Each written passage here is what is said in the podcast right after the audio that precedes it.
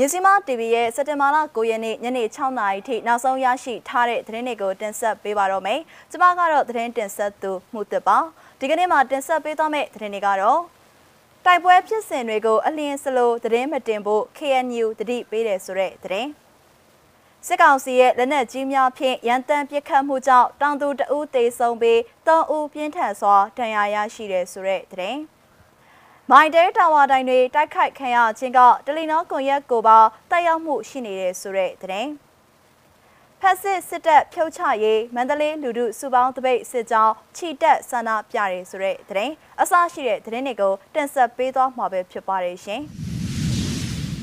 ဦးဆောင်သတင်းတပုတ်အနေနဲ့ကရင်အမျိုးသားလွတ်မြောက်ရေးတပ်မတော်နဲ့အကြမ်းဖက်စစ်အုပ်စုတို့ကြောင့်တိုက်ပွဲဖြစ်ပွားတာနဲ့ပတ်သက်ပြီးအွန်လိုင်းစာမျက်နှာပေါ်မှာအလင်းစလိုသတင်းမတင်ကြဖို့အတွက် KNU ရဲ့သတင်းနဲ့ပြန်ကြားရေးဗဟိုကစက်တင်ဘာလ9ရက်နေ့မှာထုတ်ပြန်လိုက်ပါတယ်။ ပြစ်ခတ်တိုက်ခိုက်မှုဖြစ်ပွားပြီးရင်ဖြစ်ဖြစ်စခန်းသိမ်းယူပြီးရင်ဖြစ်ဖြစ်စီရေးအစီအစဉ်အရကရင်အမျိုးသားလွတ်မြောက်ရေးတပ်မတော်ကဆက်ပြီးလှုပ်ဆောင်ရမယ့်အရာတွေရှိနေတဲ့အတွက်စီရေးလှုပ်ရှားမှုအကြောင်းအရာတွေကိုအွန်လိုင်းစာမျက်နှာပေါ်အလင်းစလိုတင်ပြီးဖြန့်ဝေလိုက်ရင်ရန်သူကိုသတင်းပေးပို့လိုက်တယ်လို့ဖြစ်ပြီးတော့စစ်မြေပြင်မှာကရင်အမျိုးသားလွတ်မြောက်ရေးတပ်မတော်ဆက်ပြီးလှုပ်ဆောင်ရမယ့်စီရေးအစီအစဉ်အပေါ်မှာထိခိုက်မှုဖြစ်စေနိုင်တယ်ဆိုပြီးရေးသားဖော်ပြထားပါတယ်။ ပုံမှန်ဆိုရင်တိုက်ပွဲဖြစ်ပွားပြီးတဲ့နောက်ပိုင်းမှာအကြမ်းဖက်စစ်အုပ်စုကလေရင်နဲ့ဘုံလာကျဲပြီးပစ်ခတ်တာစစ်ကူတပ်ဖွဲ့တွေစစ်လွတ်တာတို့လုပ်လေရှိပါတယ်။ဒါကြောင့်ကရင်အမျိုးသားလွတ်မြောက်ရေးတပ်မတော်ကတပ်ဖွဲ့တပ်သားတွေစစ်မြေပြင်ကိစ္စရက်တွေပြီးဆုံးပြီးလုံခြုံစိတ်ချရတဲ့နေရာကိုပြန်ရောက်တဲ့အခါမှာအွန်လိုင်းစာမျက်နှာပေါ်တွေမှာသတင်းတွေကိုဖြန့်ဝေကြဖို့မြစ်တာရက်ခံထားတာဖြစ်ပါတယ်ရှင်။ နောက်ထပ်သတင်းတစ်ပုဒ်အနေနဲ့ဒီကနေ့စက်တင်ဘာလ9ရက်နေ့မနက်10:00နာရီခွဲလောက်မှာကရားကရင်နီပြည်နယ်နန်းဖဲဘောလက်ခဲကြားမှာရှိတဲ့စစ်စခန်းကနေအကြမ်းဖက်စစ်ကောင်စီတပ်ကလက်နက်ကြီးနဲ့ရန်တမ်းပစ်ခတ်ခဲ့ပါတယ်။ဒီလိုပြစ်ခတ်ခဲ့တာကြောင့်တောင်ရထဲမှာနှမ်းခုတ်နေတဲ့တောင်သူတဦးသေဆုံးပြီးသုံးဦးထံရအပြင်းထန်ရခဲ့တယ်လို့ဒေသခံတွေစီကနေသိရပါဗျ။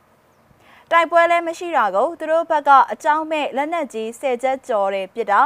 ရရဲနှမ်းခုတ်နေတဲ့တောင်သူအမျိုးသမီးတစ်ယောက်အဲ့နေရာမှာပဲသေဆုံးသွားတယ်။နောက်၃ယောက်ကတော့အမျိုးသား၂ယောက်နဲ့အမျိုးသမီးတစ်ယောက်ပါသူတို့ကဒဏ်ရာတော်တော်ပြင်းနေ။တယောက်ဆိုဥရေဘာရီပါထွက်ကြတယ်ဝလက်ခဲဆေးရုံအရေးပေါ်တင်ပို့ထားရတယ်လို့ဒေသခံတအူးကမျက်စိမှကိုပြောပါတယ်။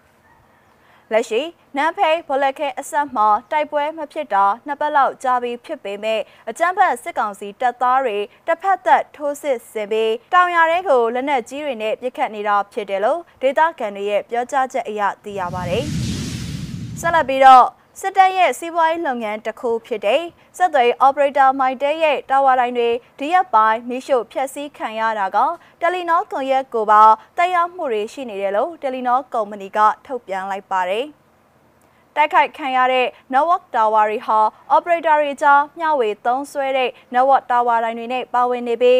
Telenor စက်ပစ္စည်းတွေတက်ဆင်ထားတယ်လို့ဆိုပါတယ်။ ဒီကိစ္စနဲ့ပတ်သက်ပြီးတယ်လီနောနဲ့ Oridu တို့ကပူးတွဲကြေညာချက်တစောင်ကိုလည်းထုတ်ပြန်ထားပြီးသက်ဆိုင်ရာဌာနကိုတင်ပြထားတယ်လို့လည်းဆိုထားပါတယ်။ဘယ်ဌာနတွေကိုတင်ပြထားတယ်ဆိုတာကိုတော့တယ်လီနောနဲ့ Oridu တို့ကရှင်းလင်းထားခြင်းမရှိသလိုရင်းလောက်ဆောင်ချက်တွေအတွက်ညီသူမှာတာဝန်ရှိကြောင်းမသေးချာမရှင်းလင်းပါလို့လဲသူတို့ရဲ့ထုတ်ပြန်ချက်ထဲမှာရေးသားထားပါတယ်။ တာဝါတိုင်းတွေကိုတိုက်ခိုက်တဲ့လှုပ်ဆောင်မှုတွေနဲ့ပတ်သက်ပြီးမြန်မာနိုင်ငံနဲ့ပြည်သူလူထုအပေါ်တက်ရောက်မဲ့အကျိုးဆက်တွေကိုဖြည့်သွင်းတွေးဆနိုင်ဖို့အတွက်၎င်းတို့ကအကြံပြုထားပါတယ်ရှင်။နောက်ဆုံးသတင်းတစ်ပုဒ်အနေနဲ့ မန္တလေးမှာစက်မှုစုပေါင်းတပိတ်စစ်ကြောင်းမန္တလာတက္ကသိုလ်ကျောင်းသူကျောင်းသားများတပိတ်စစ်ကြောင်းညတောင်တပိတ်စစ်ကြောင်းချမ်းမြသာစီလူထုတပိတ်စစ်ကြောင်းများပူးပေါင်းကစက်တင်ဘာလ9ရက်နေ့နေ့လယ်မှာအကြမ်းဖက်ဖက်စစ်အာဏာရှင်အမြင့်ပြုတ်ဖြုတ်ချရေးကြွေးကြော်ချီတက်ဆန္ဒပြခဲ့ကြပါတယ်ရှင်။